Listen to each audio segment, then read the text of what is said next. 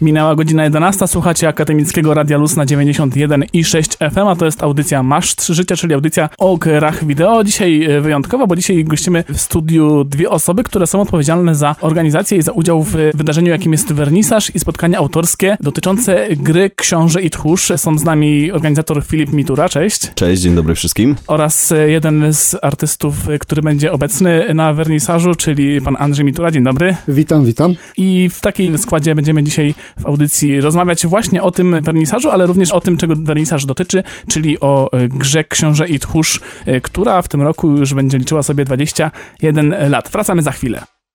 Witamy wszystkich bardzo serdecznie, minęła godzina 11. Adam Berdzik. Miłosz Szymczak i mówimy dzisiaj o wyjątkowej e, też imprezie tegorocznej, bo to była pierwsza taka duża konferencja, która dotyczyła w pewnym sensie elektroniki. E, Chodzi o CES. Tak jest, czyli Consumer Electronic Show, jeden z najważniejszych światowych targów, jeśli chodzi o gadżety, jeśli chodzi o sprzęty elektroniczne. Pokazywane są tam naprawdę czasami do, dosyć szalone wynalazki. Powiemy m.in. o specjalnym urządzeniu do przyłączania do pieluszek, powiemy o specjalnych urządzeniach pod konsolę, powiemy o zwijanych telewizorach. Naprawdę sporo na tegorocznym CES w Las Vegas powiedziano, także zostańcie z nami, gramy do 12.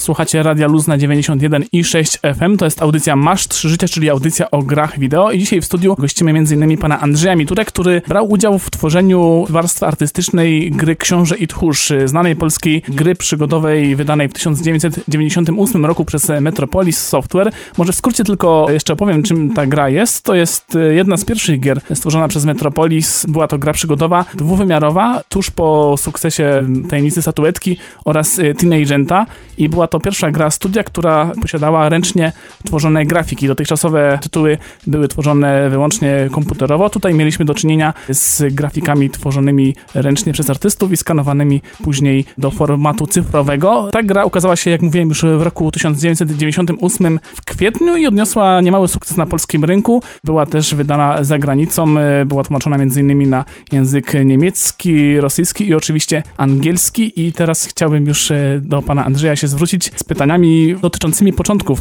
tej gry, bo to były lata 90. i polski rynek growy jeszcze raczkował, tak naprawdę istniał w podziemiu. Nie było zbyt wielu studiów growych, a jeżeli były, to były często to takie chałupnicze organizacje. Często gry były tworzone w pojedynkę przez samodzielnych właściwie programistów. Grafiką również zajmowali się programiści, czyli grafika nie była tutaj głównym punktem, główną częścią tych gier. Chciałbym się dowiedzieć, jak właściwie trafił pan do, jakby nie powiedzieć, branży growej w tych latach 90., wtedy, kiedy jeszcze w Polsce ona praktycznie nie istniała. Ja propozycję do, przy realizacji tej gry dostałem głównie od mojego kolegi Andrzeja Kukuły, ponieważ razem żeśmy byli wspólnie animatorami w Bielsku, a później próbowaliśmy tworzyć wytwórni filmów fabularnych Wydział Filmów Animowanych i w ten sposób on do mnie zadzwonił, powiedział, że jest taka propozycja i, i tak to wyglądało na samym początku. Jaki zakres prac właściwie dotyczył pana i pana Andrzeja Kukuły? Bo rozumiem, że to była związana praca ściśle z tworzeniem grafik do gry, czyli w szczególności tła, tak zwane lokacje, oraz animacje bohaterów, postaci z gry. Tak, no myśmy się jak gdyby na samym początku podzielili, że za warstwę fabularną, za warstwę ogólnokoncepcyjną odpowiada Andrzej i za animację, natomiast moja działka to była działka związana z tworzeniem lokacji. I tak żeśmy próbowali to realizować. Jak właściwie ta praca wyglądała, jak wyglądał kontakt z zespołem? Zespół był niewielki, bo tak naprawdę 7 osób zajmowało się tymi najważniejszymi pracami, a wiadomo, że Metropolis Software to było studio pochodzące z Warszawy, pan natomiast jest z Wrocławia. Jak wyglądała komunikacja, jak przekazywano informacje o tym, jaki był zamysł scenarzystów, jak miała przebiegać gra? Moje kontakty ograniczały się głównie do pana Andrzeja Kukuły, którego dostałem konkretnie rozrysowane lokacje do określonych sekwencji. No i miałem też kontakt z panem Grzegorzem Miechowskim, z którym się rozliczałem. Natomiast jeżeli chodzi o ludzi, którzy później montowali grę w Warszawie, byli twórcami efektów, to z nimi kontaktów nie miałem. Myśmy, tak jak mówię, z Andrzejem mieli przygotowanie w sumie profesjonalne, bo i ja i on mieliśmy kwalifikacje zawodowych animatorów, którą żeśmy zdobyli w Bielsku Białej. W związku z tym ja też posiadałem umiejętności animowania, ale z tego względu, żeby pracę usprawnić, tak żeśmy zdecydowali zdecydowali, że Andrzej zajmie się tą warstwą ogólno-reżyserską i koncepcyjną oraz rozrysowaniem lokacji, natomiast moja działka była stricte graficzno, nazwijmy to malarska. A czy miał pan e, wcześniejszy jakikolwiek kontakt z grami, czy miał pan okazję w coś zagrać, żeby mieć w ogóle pojęcie, jak to wygląda, bo w tamtych czasach... No to jest paradoks w moim wypadku, bo akurat nie. Dopiero po realizacji tej gry, później miałem taki okres, kiedy pracowałem e, przy programach multimedialnych z firmą Albion, już nieistniejącą. To dla nich bardzo podobne rzeczy robiłem, robiłem lokacje, ale to mówię, to już jest dalsza część mojej działalności. Natomiast to była moja premiera, jeżeli chodzi o gry, dlatego sam się zdziwiłem tą propozycją, ale wydawała mi się ona bardzo atrakcyjna. Zresztą ja miałem takie swoje marzenie w gruncie rzeczy, które no, nie udało mi się zrealizować, ale może jeszcze kto wie. Śniło mi się, żeby pracować w Hollywood przy filmach, przy efektach specjalnych do filmów. Dlatego ten wydział animacji był jakimś takim no, początkiem tego marzenia, nazwijmy to. Ja jako dziecko uwielbiałem filmy Disneya, właśnie klasycznej animacji 2D, dlatego uważaliśmy, że nasz początek, który się wiązał z Bielskiem Białym, był bardzo dobrym początkiem, jeżeli chodzi o nauczenie się takiego zawodowego sznytu na początek. Czy miał pan jeszcze do czynienia później z grami, z jakimiś elementami graficznymi do gier wideo? Znaczy ja robiłem różnego rodzaju zlecenia, ale to były zlecenia takie na zasadzie dostawałem określoną lokację do wykonania, wykonywałem ją, ale nie byłem zainteresowany produkcji samych gier. Później próbowałem, ale to już było wiele lat później, przymierzyć się jako rysownik, jako scenarzysta do Techlandu, ale niestety firma nie uznała, że się nadaje do produkcji tak, w swoich a, grach. A wracając do Księcia Tchórza, czy miał pan okazję później e, zagrać w ten tytuł? No tak, tak. Myśmy dostali takie dwa, jak to się mówi, egzemplarze autorskie. Dlatego no, trudno było nie spróbować tego, co się realizowało, także tak. A czy spotkał się pan kiedykolwiek e, z sympatią ze strony graczy, gdy dowiedzieli się, że pan przy tej grze pracował? Bo nie wiem, czy też udało się panu tak Wie pan, spotkać. To, to były lata 90. i ja jeszcze wtedy nie miałem komputera, nie było forów społecznościowych a specjalnie, no nie ukrywam się, tym nie interesowałem. Bardziej mnie rajcowało zagranie, natomiast nie miałem takiej potrzeby, żeby szukać jakiejś opinii na ten temat. Do rozmowy wrócimy za chwilę.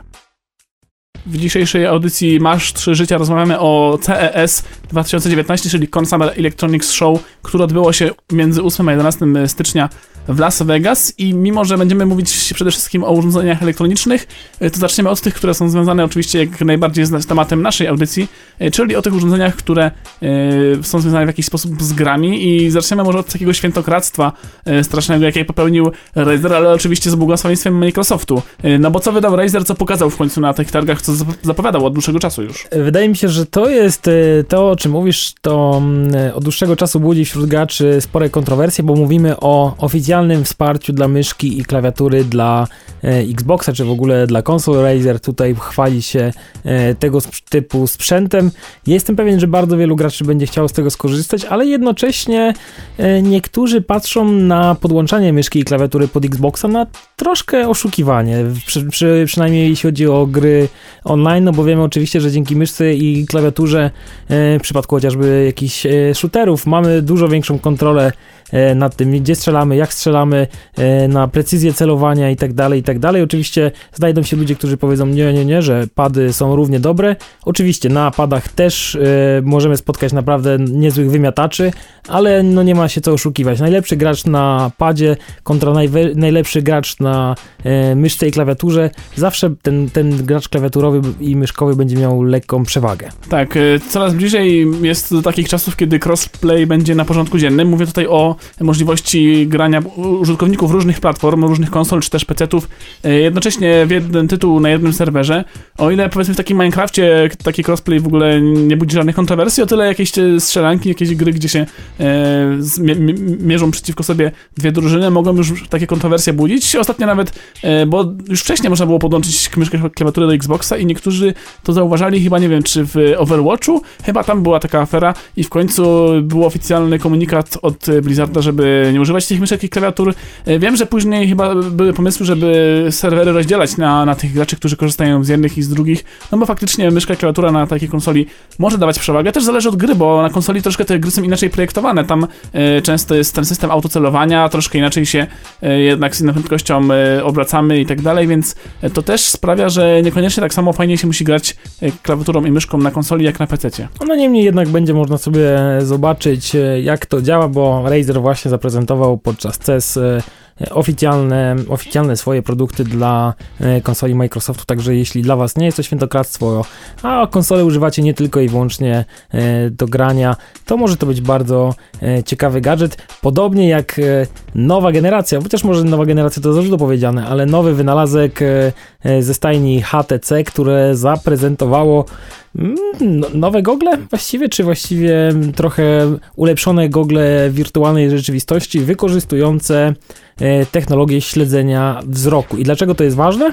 No ważne przede wszystkim e, dlatego, że zależy nam na wydajności takich e, gogli VR, a ta wydajność zawsze jest w pewien sposób ograniczona, dlatego musimy gdzieś ucinać. Tutaj y, twórcy wpadli na prosty pomysł, żeby y, sprawiać, zrobić coś takiego, że tam, gdzie mamy wzrok skupiony, obraz jest świetny, bardzo wysokiej rozdzielczości, a tam, gdzie y, jednak wzrok nie sięga, to ten obraz jest troszkę bardziej niewyraźny, troszkę bardziej zamazany, troszkę mniejsza rozdzielczość i troszkę tak jest też w rzeczywistości. Gdybyśmy tak się zastanowili, co widzimy po bokach naszego punktu skupienia, to faktycznie ten obraz jest mniej wyraźny, mniej szczegółów na nim dostrzegamy i to sprawia, że możemy oszczędzić trochę tej mocy obliczeniowej na, na to, co, na, co jest dla nas w tej chwili, w danej sekundzie w grze najważniejsze. Może też e, dzięki temu wynalazkowi nieco naturalniej będzie się w tych oglach e, VR siedziało, tak? Bo teraz jesteśmy bombardowani naprawdę e, sporą ilością światła. No dłuższa zabawa niż dwie godziny jest naprawdę wymagająca i dla błędnika, prawda, i dla, dla naszych oczu, które no dostają potężne światło z bardzo bliskiej odległości, prawda? Jednak. No i spoconej głowy, to mamy i słuchawki na uszach, i gogle na oczach. Które i... wcale nie są takie lekkie, jakby już, no oczywiście pierwsze 10 minut zabawy jest oszałamiające, ale potem faktycznie możemy odczuwać lekki dyskomfort. Tutaj e, HTC chyba też przy, przy okazji chce oszczędzić trochę mocy, tak jak e, wspomniałeś, dzięki właśnie tej technologii też chce poprawić komfort użytkowania, żeby faktycznie e, to nasze oko aż tak bardzo się nie męczyło i żeby w tych goglach można by było wytrzymać nieco dłużej. No tak, HTC przoduje. Myślę, że obecnie w tej technologii VR-owej wcześniej e, trzeba było mieć rozstawione te radary po pokoju, trzeba było mieć kable wiszące albo komputer na plecach zawieszony. E, jest coraz lepiej, weszło HTC, zamiast HTC Vive mamy HTC Vive Pro, które już ułatwia nam całą sprawę. No i tutaj na targach pokazali nam egzemplarz, który do HTC Vive Pro dopisał jeszcze Eye, e, który oznacza właśnie to śledzenie e, wzroku, które nie było nowinką, bo widziałem takie systemy już dla tak, komputerów, to... nawet gry były wykorzystujące te technologie. Można było się gdzieś tam z zawinkla też gdzieś tam rozglądać. Ale w przypadku wirtualnej rzeczywistości jest to jednak nowość i wydaje mi się, że naprawdę krok w dobrą stronę. Jak najbardziej dobrą stronę, tym bardziej, że przede wszystkim e, w tym VR-ze naj, największymi niedogodnościami są właśnie e, te trudności związane z błędnikiem, z, ze zmęczeniem i właśnie jakość, która wciąż jednak jest zbyt niska, żebyśmy byli w stanie uwierzyć w to, co widzimy na tych ekranikach przed naszymi oczami. A my zaraz wracamy do Was z inteligentnymi pieluchami, z mądrymi piekarnikami i różnymi innymi rzeczami, które podczas C zostały pokazane.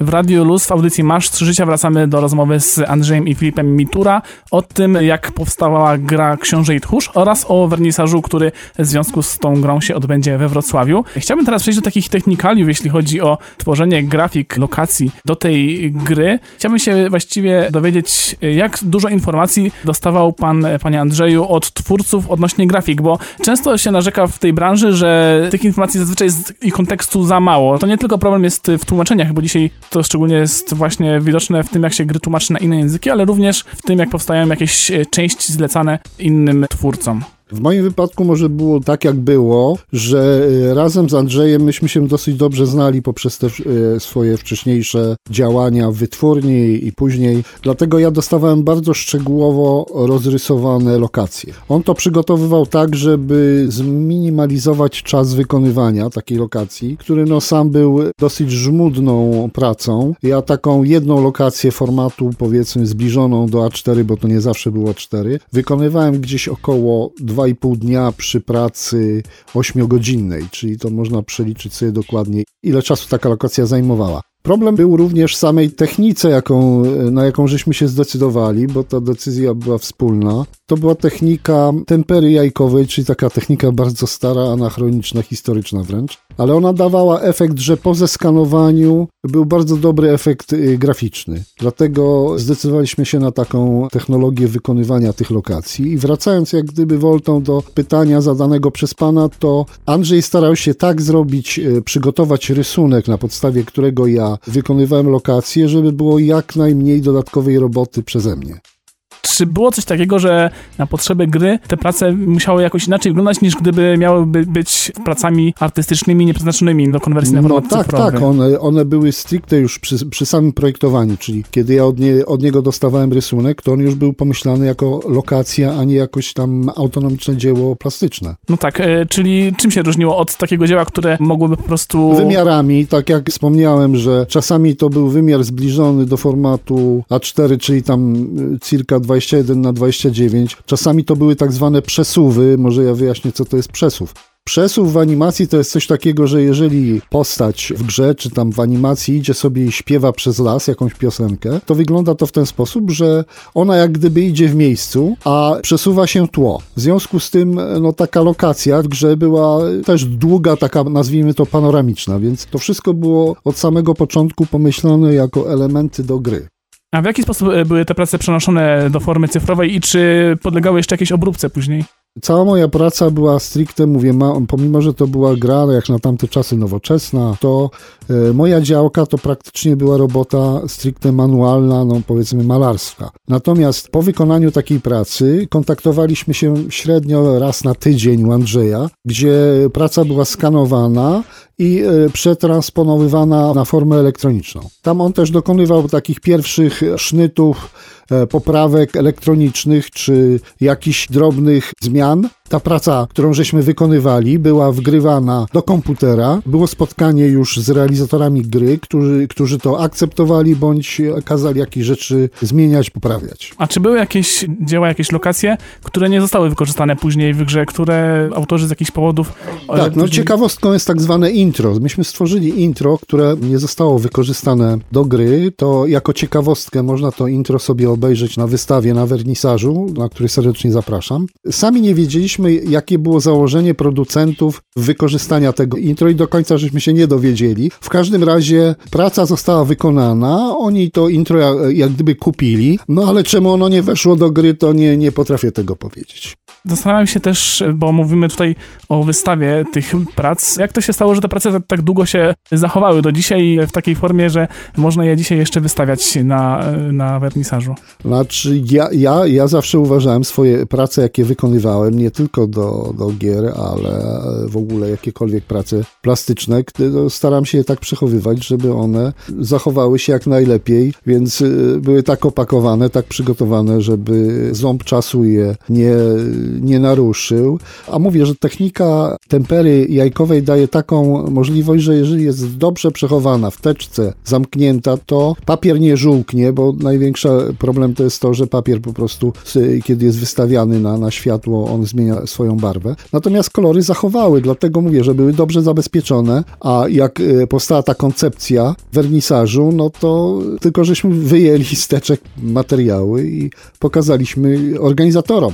Czy te prace były na przykład y, odrzucane, albo czy były, było wiele podejść do jednej lokacji? Nie, nie, nie. Myśmy byli jak gdyby zobligowani do terminowego wykonania i tutaj założenie było takie, że nie ma żadnego poślizgu, że my się nie musimy śpieszyć, ale trzeba to, roboty trzeba wykonać dobrze i w momencie, kiedy była tak zwana y, za- zatwierdzenie lokacji, to poprawek jakiś, to były jakieś niuanse, ale generalnie każda lokacja była przyjmowana bez y, zastrzeżeń. Może ja się wtrącę tutaj, e, w ogóle dzień dobry wszystkim.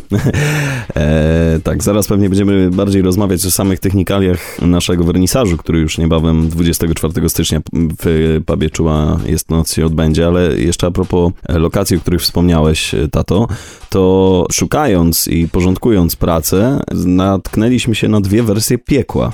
Czyli ostatniej części e, gry. Tak my tutaj trochę zdradzamy fabułę może gry, bo...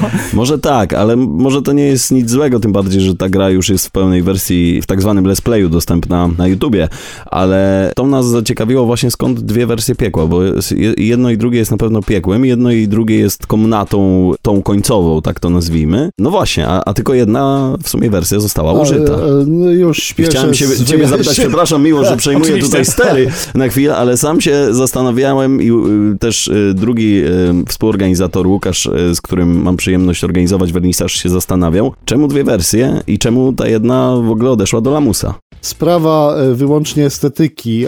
Myśmy zrobili te dwie wersje, bo kiedy została wgrana pierwsza wersja, nam się wydawała, że ona jest po prostu za ciemna, dlatego zdecydowaliśmy się zrobić drugą, no pom- pomimo, że to wydłużało okres jakby realizacji, ale chodziło o efekt e, estetyczno-plastyczny w grze, dla- dlatego to nie było zasadą, to nie było częste takie stosowanie takiego chwytu, nazwijmy to. No to może ja y, zakończę wypowiedź taty takim ładnym podsumowaniem, że nie dość, że będziecie mogli na wernisażu zobaczyć y, intro, które nie powstało, to jeszcze wersję piekła, która nie weszła do gry. Tutaj już mamy naprawdę, myślę, Właśnie takie dwa się- smaczki, które zachęcą, mam nadzieję, wszystkich y, game freaków i też fanów po prostu gry Książę i Tchórz, którzy mam nadzieję są z nami tutaj i słuchają nas na antenie, do tego, aby się pojawić y, w odpowiednim miejscu i odpowiednim czasie. Tak, temat wernisażu jest nieunikniony, dlatego o, o tym y, kiedy, jak i gdzie do tych informacji wrócimy za chwilę. Jeszcze o pieluchach. Troszkę was przytrzymamy w napięciu, żeby nie było, że najciekawsze idzie na początek. Teraz powiemy sobie o gadżetach zahaczających o sport, ale nie tak e, w taki oczywisty sposób, jakby nam się wydawało, bo chociażby e, mamy do dyspozycji nowy taki nowoczesny zegarek, smartwatch właściwie należy dzisiaj już byśmy powiedzieli, który nie tylko czyta nasz puls, e, co jest właściwie nie jest jakimś nie wiadomo jakim osiągnięciem w dzisiejszych czasach, ale też przeprowadza nam EKG. Tak, e, firma Withings, e, która wywiodła swoją markę od tego, że robiła produkty związane e, z zdrowiem, technologią poświęconą zdrowiu.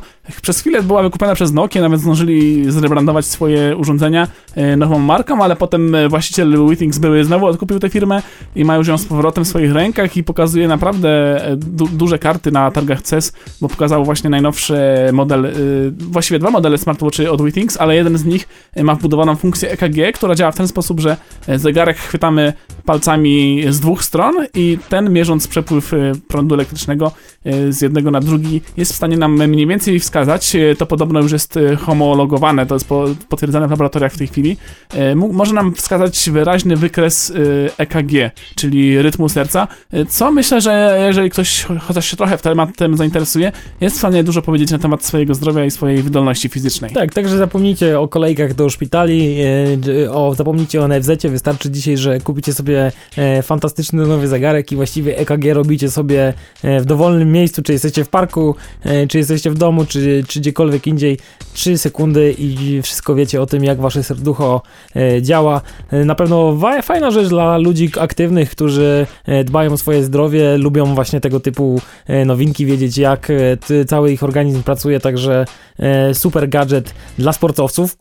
Teraz powiemy sobie o jeszcze jednym ciekawym gadżecie, ale czy on jest do końca dla sportowców, to ja nie jestem przekonany. W każdym razie o sport zahacza, bo powiemy sobie o specjalnej bieżni, czyli tak e, każdy wie jak bieżnia wygląda, tylko że ta bieżnia ma jeden taki e, wyjątkowy element, mianowicie biegając na niej generujecie przy okazji prąd. Tak, ta bieżnia, która w swojej nazwie gdzieś tam zawiera słówko verde, czyli zielon, zielony, yy, być może się przyczynia do mm, ochrony środowiska w ten sposób, że zamiast ciągnąć prąd z gniazdka, który mógł być produkowany przez jakąś śmierdzącą elektrownię węglową, yy, no to produkujemy prąd siłą własnych mięśni, po prostu biegając z bieżnią, yy, generator produkuje prąd. Yy, Producenci zapewniają, że przy takim naprawdę mocnym, intensywnym wysiłku jest w stanie wyciągnąć ta bieżnia 200 watów, cokolwiek by to znaczyło. To jest może za mało, żeby jeszcze uruchomić sobie Tak, nie komputer. pogracie sobie niestety na tym, e, na tym urządzeniu, nie, jak wam zabraknie prądu, no to niestety ta sama e, bieżnia w sobie wam całego prądu e, potrzebnego do grania, bo nie, nie mamy szans, żeby zasilić komputer, nie mamy szans, żeby zasilić telewizor, e, jednocześnie, jednak to jest potrzebna e, większa moc. No i 200 watów musicie znaleźć, nie wiem, siostrę, brata, e, członka rodziny, który by przez tą godzinę ewentualnie skłonny był e, na tej bieżni jednak e, biegać. No chyba, że powiecie, że słuchajcie, to jest wszystko dla waszego zdrowia, e, sport to zdrowie, wy będziecie biegać, a mi na przykład naładujecie komórkę. No właśnie, po co mamy biegać e, na marne, marnować te swoje siły mięśni, to co zjedliśmy tego dnia, skoro że możemy to przekuć na energię inną, a przy okazji właśnie jeszcze poćwiczyć. E, tutaj jest jedna konsola, która faktycznie mogłaby być zasilana prądem. Mówisz o. Switchu? Oczywiście, Switch jest taką konsolą, która spokojnie by e, w trybie przenośnym mogła się z tego, z tej- bieżni ładować, ale każdy dowolny telefon e, 200 watów, to powiedzmy, że jak ktoś biega troszkę wolniej, to 100 watów, to jest e, dla smartfona jak najbardziej faj, fajna, fajny prąd, tylko faktycznie przez ten czas ładowania trzeba cały czas biegać. No to dokładnie. O ile Switch jest przenośny i możemy go zabrać w podróż, to już myślę, że z taką bieżnią to byśmy wyglądali dziwnie, gdybyśmy zabierali naszą bieżnię generującą prąd e, w podróż. Niemniej jednak e, kolejny ciekawy gadżet, może faktycznie, tak jak mówimy, e, domu czy sprzętu do grania sobie nie zasilicie, ale jeśli i tak macie biegać, i tak macie biegać, to czemu by nie?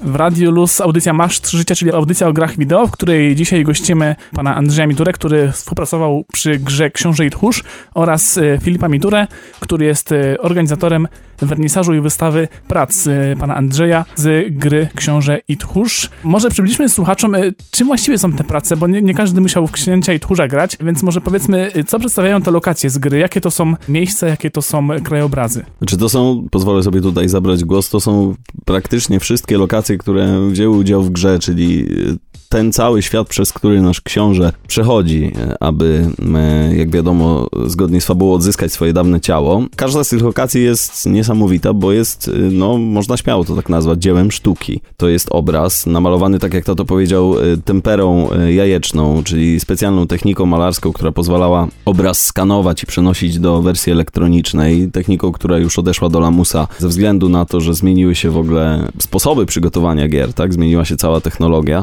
ale kiedyś tak się te gry tworzyło. Ja powtarzam tak naprawdę słowa y, zarówno mojego taty, jak i pana Kukuły, który też będzie obecny na wernisażu. No ale to są, myślę, piękne czasy, y, piękne czasy dla gier komputerowych, ponieważ to były gry robione z ogromnym sercem i z ogromem y, nakładu pracy, takiej manualnej pracy artystycznej, której dzisiaj już się nie stosuje, znaczy z całym szacunkiem do wszystkich oczywiście osób pracujących przy grach komputerowych i tych magików od efektów specjalnych i tych magików od 3D, to są również artyści, ale zupełnie innego kalibru, zupełnie innego stylu niż ci artyści właśnie 2D, którzy e, musieli pokazać całą tą magię na papierze i dopiero potem ta magia przechodziła do wersji elektronicznej. Właśnie ta magia jest obecna na tych obrazach. One są, mogę śmiało powiedzieć, magiczne. Każde jedno jest y, dziełem sztuki, jest ich y, 47, 47 lokacji. Tyle udało nam się y, skompletować. Do tego jeszcze mamy szkice, i, o których tato już wspominał w rozmowie, oraz detale,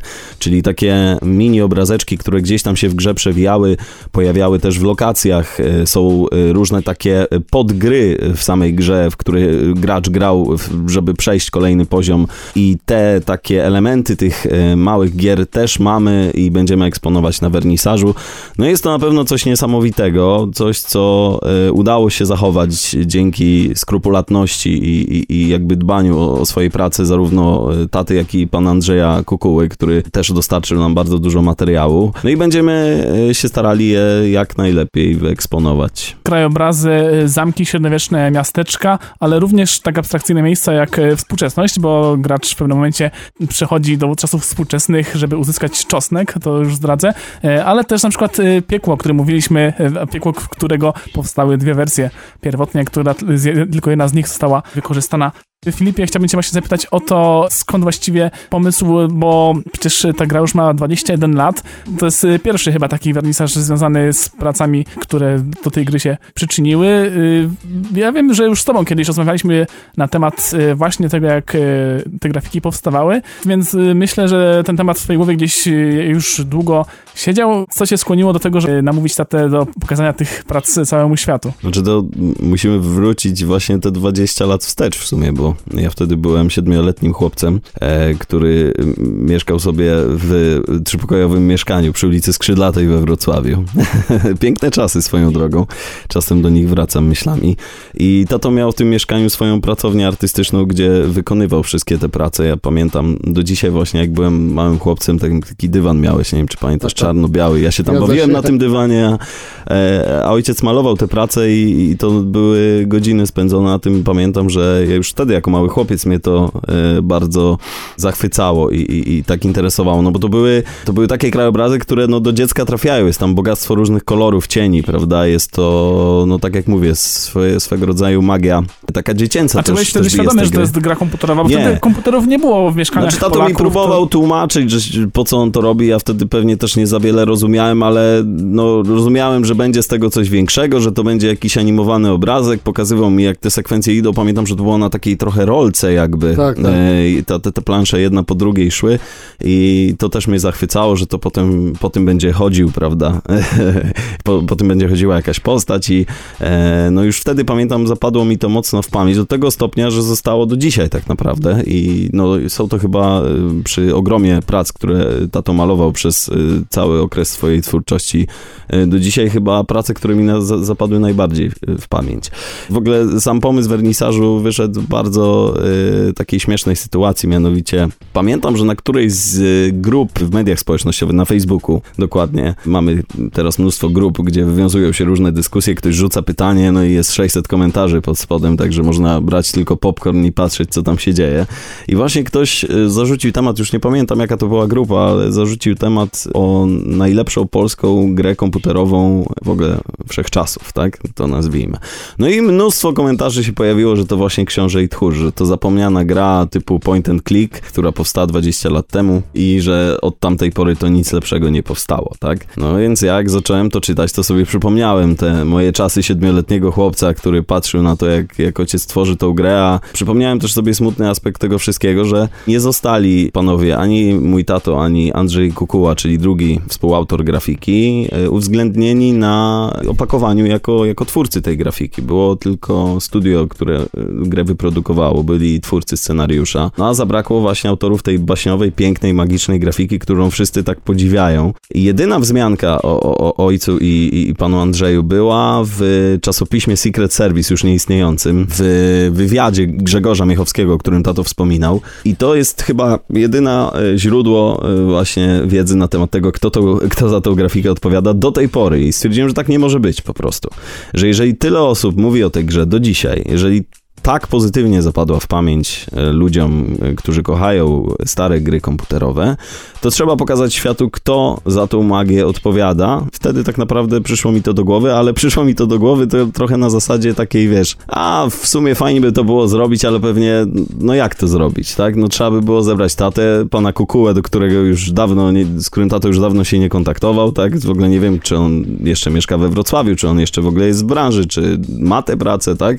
I takie trochę mi się to nierealne wydało, ale tak dla żartów napisałem, że kurczę, super, że takie zainteresowanie jest, że, że mój tato jest autorem grafiki do tego. No i się zaczęło, że mnóstwo komentarzy pozytywnych na zasadzie nie mogę w to uwierzyć, że mamy do czynienia z synem autora. No to ja mówię, że skoro jest takie zainteresowanie, to wiem, że tato jeszcze gdzieś tam ma jakieś prace, no to może by je kiedyś tam pokazać. No i długo nie musiałem czekać, bo tutaj się pojawia drugi e, współorganizator wydarzenia, Łukasz, i mówi mi, słuchaj, e, stary, zróbmy wernisaż, tak? Skoro masz tę pracę, mamy miejsce na to, jest to właśnie pub Czuła jest noc, y, czyli miejsce zwane y, uczulenie. To, to, to z kolei przestrzeń artystyczna, w której będzie organizowane całe przedsięwzięcie. No i tak to wyglądało. Tak to wyglądało. Jak to będzie wyglądać, no to się przekonamy już 24 stycznia. Już serdecznie na ten wernisaż wszystkich was zapraszam, bo na pewno będzie magicznie, na pewno będzie ciekawie y, i od strony takiej właśnie historii gier, sposobu wykonania tej magii, która z tych obrazów bije. Jeśli macie już troszkę więcej lat, czyli na przykład e, jak się domyślamy jesteście studentami albo jesteście troszkę starsi, to pewnie pamiętacie taką zabawkę bardzo swego czasu e, popularną o takich, takich stworgach, to się nazywało Ferbi? Ferbi i wyglądało dla mnie trochę jak sowa, nie wiem. Dla, Dla mnie jak gremlin trochę, szczerze mówiąc, z tego filmu to wyglądało. Fakt jakiś elf, jakiś, jakiś skrzat, no nie wiem, jakiś stworek w każdym razie, który e, wtedy nam mówiono, że tak, że on reaguje na naszą obecność, tak miał kamerkę taką chyba w podczerwieni, czy jakąś... Na czole, tak? Na czole dokładnie, że on mógł się z nami przywitać. Ale on się uczył słów nawet podobno. Ja nie wiem, co to była technologia w latach 90., ale w ogóle to było dla mnie nieosiągalne. Ten zwierzak był mega drogi chyba. Tak, mój czasach. znajomy miał takiego zwierzaka, ja pamiętam zawsze próbowałem z nim e, wchodzić w różne interakcje, e, średnio mi się to udawało, ale i tak byłem zachwycony, no bo, no bo jakaś reakcja na moje, na moje działania była. Tymczasem właściwie możemy powiedzieć, że teraz e, oferowane jest nam e, takie Ferbi 2.0, czy już możemy nawet może 3.0. Mówię oczywiście o najnowszym wynalazku Japończyków, no bo jak żeby inaczej, o produkcie Lovot, czyli połączenie słowa love, odkochać i robot, robota tłumaczyć nie muszę. Tak, no w Japonii to jest e, o tyle myślę, że popularne, ponieważ tam e, ludzie, mm, jest największy chyba odsetek singli w wieku około 30 lat, o ile pamiętam te wykresy, więc e, tam naprawdę ludzie są coraz bardziej samotni, a, a taki robot myślę, że jest pewnie jakimś tam substytutem, substytutem no może nie drugiego człowieka, ale chociażby zwierzątka, bo e, właściwie najważniejsze, co ten robot robi, to to, że e, nam chyba towarzyszy, on chce, on szuka o naszej uwagi, e, jeżeli ma ochotę się do nas przytulić, to nas goni i on faktycznie został do przytulania stworzony, bo na przykład ma e, bardzo miękkie futerko, pra, prawie jak maskotka, mimo że jest robotem, który się porusza na takim jakby kółku. Tak jest, czyli właściwie jeśli na przykład kochacie zwierzęta, ale nie możecie sobie pozwolić ze względu na obowiązki, także często wychodzicie z domu i, i albo wyjeżdżacie i zwierzę, takie prawdziwe zwierzę nie jest e, do końca dobrym pomysłem ze względu na, e, na to, co robicie, to jeśli szukacie alternatywy, to Lowot wydaje się być e, ciekawy, on faktycznie szuka atencji naszej, szuka zainteresowania człowieka, tutaj czytamy opisy, że na przykład kiedy pragnie być przytulany, to zaczyna podnosić ręce, jak trochę jak małe dziecko, które też po prostu poszukuje atencji. On generuje ciepło, specjalnie generuje ciepło, kiedy położymy go na przykład oglądając telewizji na klatce piersiowej czy na, na brzuchu, tak jak, jakbyśmy mieli prawdziwego zwierzaka. Kota no, na przykład. no właśnie, jakbyśmy trzymali, e, trzymali kota i jak najbardziej możemy e, z nim wchodzić w różnego rodzaju e, interakcje. Ale jest głupszy od Ferbiego, bo na przykład nie mówi, no ale coś za coś. Myślę, że te, ta moc przytulania to jest y, znaczący jego, jest znacząca jego zaleta. A teraz jeszcze jedna rzecz. A ja przepraszam, że ci wejdę, ja tylko chciałem powiedzieć o cenie, bo wiemy ile taka zabaweczka będzie kosztowała i to są naprawdę niemałe pieniądze, bo musimy się przygotować na wydatek około 5,5 tysiąca dolarów. E, Co? Czyli mówimy o ponad 15 tysiącach złotych, grubo ponad 15 tysiącach Prawie 20 E, właśnie, prawie 20 tysiącach złotych. E, no za zabawkę, powiedzmy, sięgającą nam do kolana, może nawet nie. Także e, na pewno interesujący wybór, ale dla kogoś z bardzo, bardzo samotnego i z bardzo grubym portfelem. To być może się łączy, ale nie. Chyba właściwie w drugą stronę. Pieniądze przyciągają ludzi. E, W każdym razie przyciągają nas też e, podróże, bo podróże to jest coś, co no, prawie każdy chyba lubi uprawiać e, rzadziej lub częściej, e, a jednym ze sposobów podróżowania jest jazda samochodem i ja akurat jestem, należę do tych osób, które bardzo lubią jeździć samochodem. Czy ale to jako kierowca, czy jako pasażer? Czy to jako kierowca, czy to jako pasażer, czy samochodem, czy pociągiem, czy autobusem. Bardzo lubię, mi to sprawia przyjemność, że mogę siedzieć przy oknie, patrzeć na widoki, gdzieś tam przy okazji czytać książkę, jeżeli jestem pasażerem yy, i mnie to specjalnie nie męczy, chociaż zdarza mi się zasnąć po trakcie jazdy, to, to myślę, że jako pasażer rzeczywiście, to myślę, że to jest jednak yy, fajny sposób podróżowania. Czyli nie będziesz, nie jesteś potencjalnym klientem dla produktu o nazwie HoloRide, czyli gogli wirtualnej rzeczywistości przeznaczonych do używania głównie w samochodzie, czy właściwie przede wszystkim w samochodzie. Tak, bo te gogle mają nam służyć uprzejmieniu właśnie podróży, która z założenia podróż samochodem ma być w jakiś sposób nieprzyjemna. Yy, Nudna. Tak, to są gogle, które się wręcza pasażerom, którzy. Często też e, się wspomina o tym, że to mogą być pasażerowie, którzy cierpią na chorobę lokomocyjną, bo te gogle, e, mimo że zazwyczaj gogle VR są kojarzone z czymś, co też e, nam. Wywołuje dokładnie wywołuje różne coś- problemy żołądkowe. Tak, to tutaj podobno ma być e, w zupełnie drugą stronę. Te gogle mają nam zapewniać mm, fajną rozrywkę podczas jazdy, ale taką inteligentną i związaną z tą jazdą, bo te gogle mają znać, e, mamy chyba im przekazać swoją trasę podróży i one znając e, to, dokąd jedziemy i co się dzieje wokół nas, mają też przecież akselero- akcelerometr, są nam w stanie wygenerować e, wirtualną e, rozrywkę w takim wirtualnym parku rozrywki, taką przejażdżkę. Więc jeżeli samochód gdzieś skręca na zakręcie, to tam też się wychylamy na wagonikiem, skręcamy na przykład w lewo. E, Tak sobie wyobrażam, bo nie widziałem dokładnie wizualizacji, ale w ten sposób mamy zupełnie coś innego pokazane, ale czujemy to, praktycznie to samo. Tak jest, czyli na przykład możemy naszemu dziecku czy naszemu znajomemu założyć takie gogle i na przykład wysłać go do świata fantazy na wielką przygodę w stylu Władcy Pierścieni, gdzie musimy przebyć ogromne odległości, prawda, i te gogle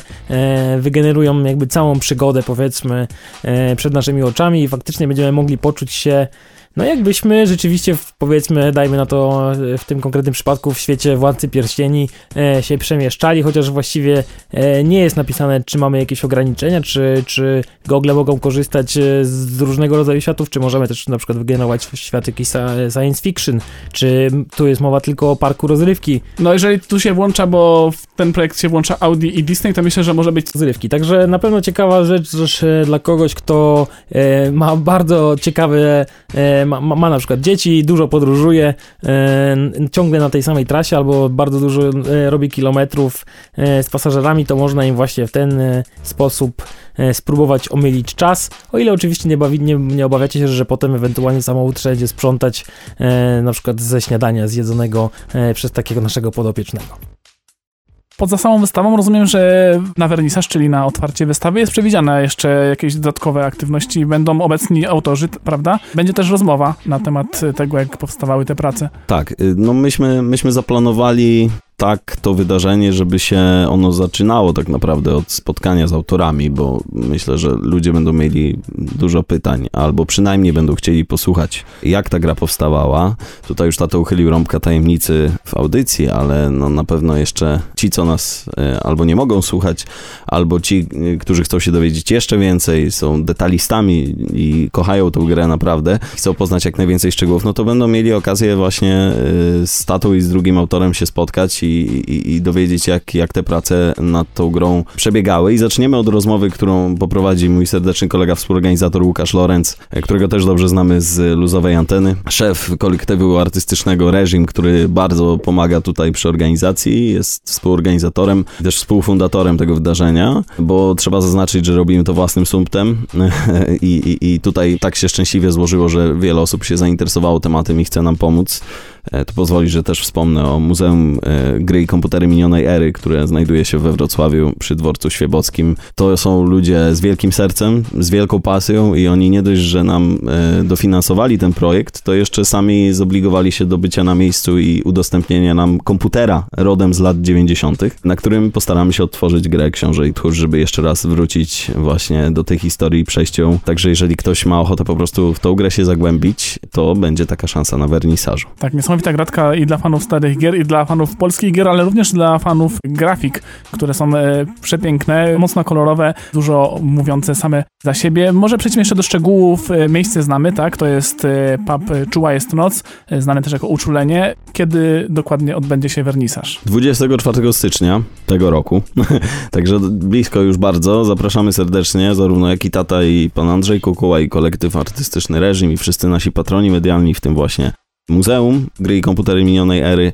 Jest wśród naszych patronów też cukiernia Słodki Biznes, którą bardzo serdecznie pozdrawiamy i oni z kolei zadbają o coś słodkiego dla naszych gości. Jest też, e, myślę, że mogę to śmiało powiedzieć, magazyn CD Action, w którym także ukaże się e, rozmowa z naszymi autorami i to myślę bardzo takie fajny powrót do korzeni, no bo pierwszy wywiad był również w czasopiśmie o grach komputerowych, teraz po 20 ponad latach wracamy z kolejnym wywiadem, który na pewno też wiele smaczków odsłoni, więc jeżeli macie ochotę, to na pewno tam też więcej będzie można o tej grze poczytać. 24 stycznia o godzinie 19 zaczynamy, wstęp jest wolny, także każdy, kto ma ochotę przyjść i, i chwilę z nami e, pobyć w tej magicznej atmosferze gry Książę i Tchórz, zobaczyć jak wyglądały lokacje, e, które nasi autorzy, artyści namalowali, czyli jak wyglądała kiedyś animacja namalowana na papierze od A do Z po prostu, bardzo szczegółowy sposób, y, z ogromem ilości detali i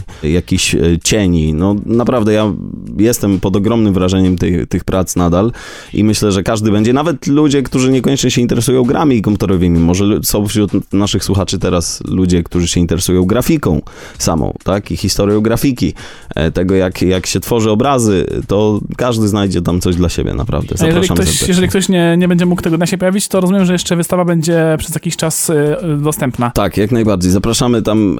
y, będą oczywiście szczegóły dotyczące tego, do kiedy wystawa będzie dostępna. Jeszcze na ten temat debatujemy, y, zarówno z naszymi autorami, jak i z właścicielami miejsca, w którym będzie wisiał komplet prac, czyli w miejscu Czuła jest noc. Ale na pewno do lutego ta wystawa zostanie w tym miejscu, także kto nie będzie w stanie 24 stycznia do nas dołączyć, to będzie mógł po prostu sobie potem pójść i w takiej kameralnej, fajnej przestrzeni po- podziwiać te prace, jak, jak e, one wyglądają. Tam też zostaną na, na chwilę dłużej.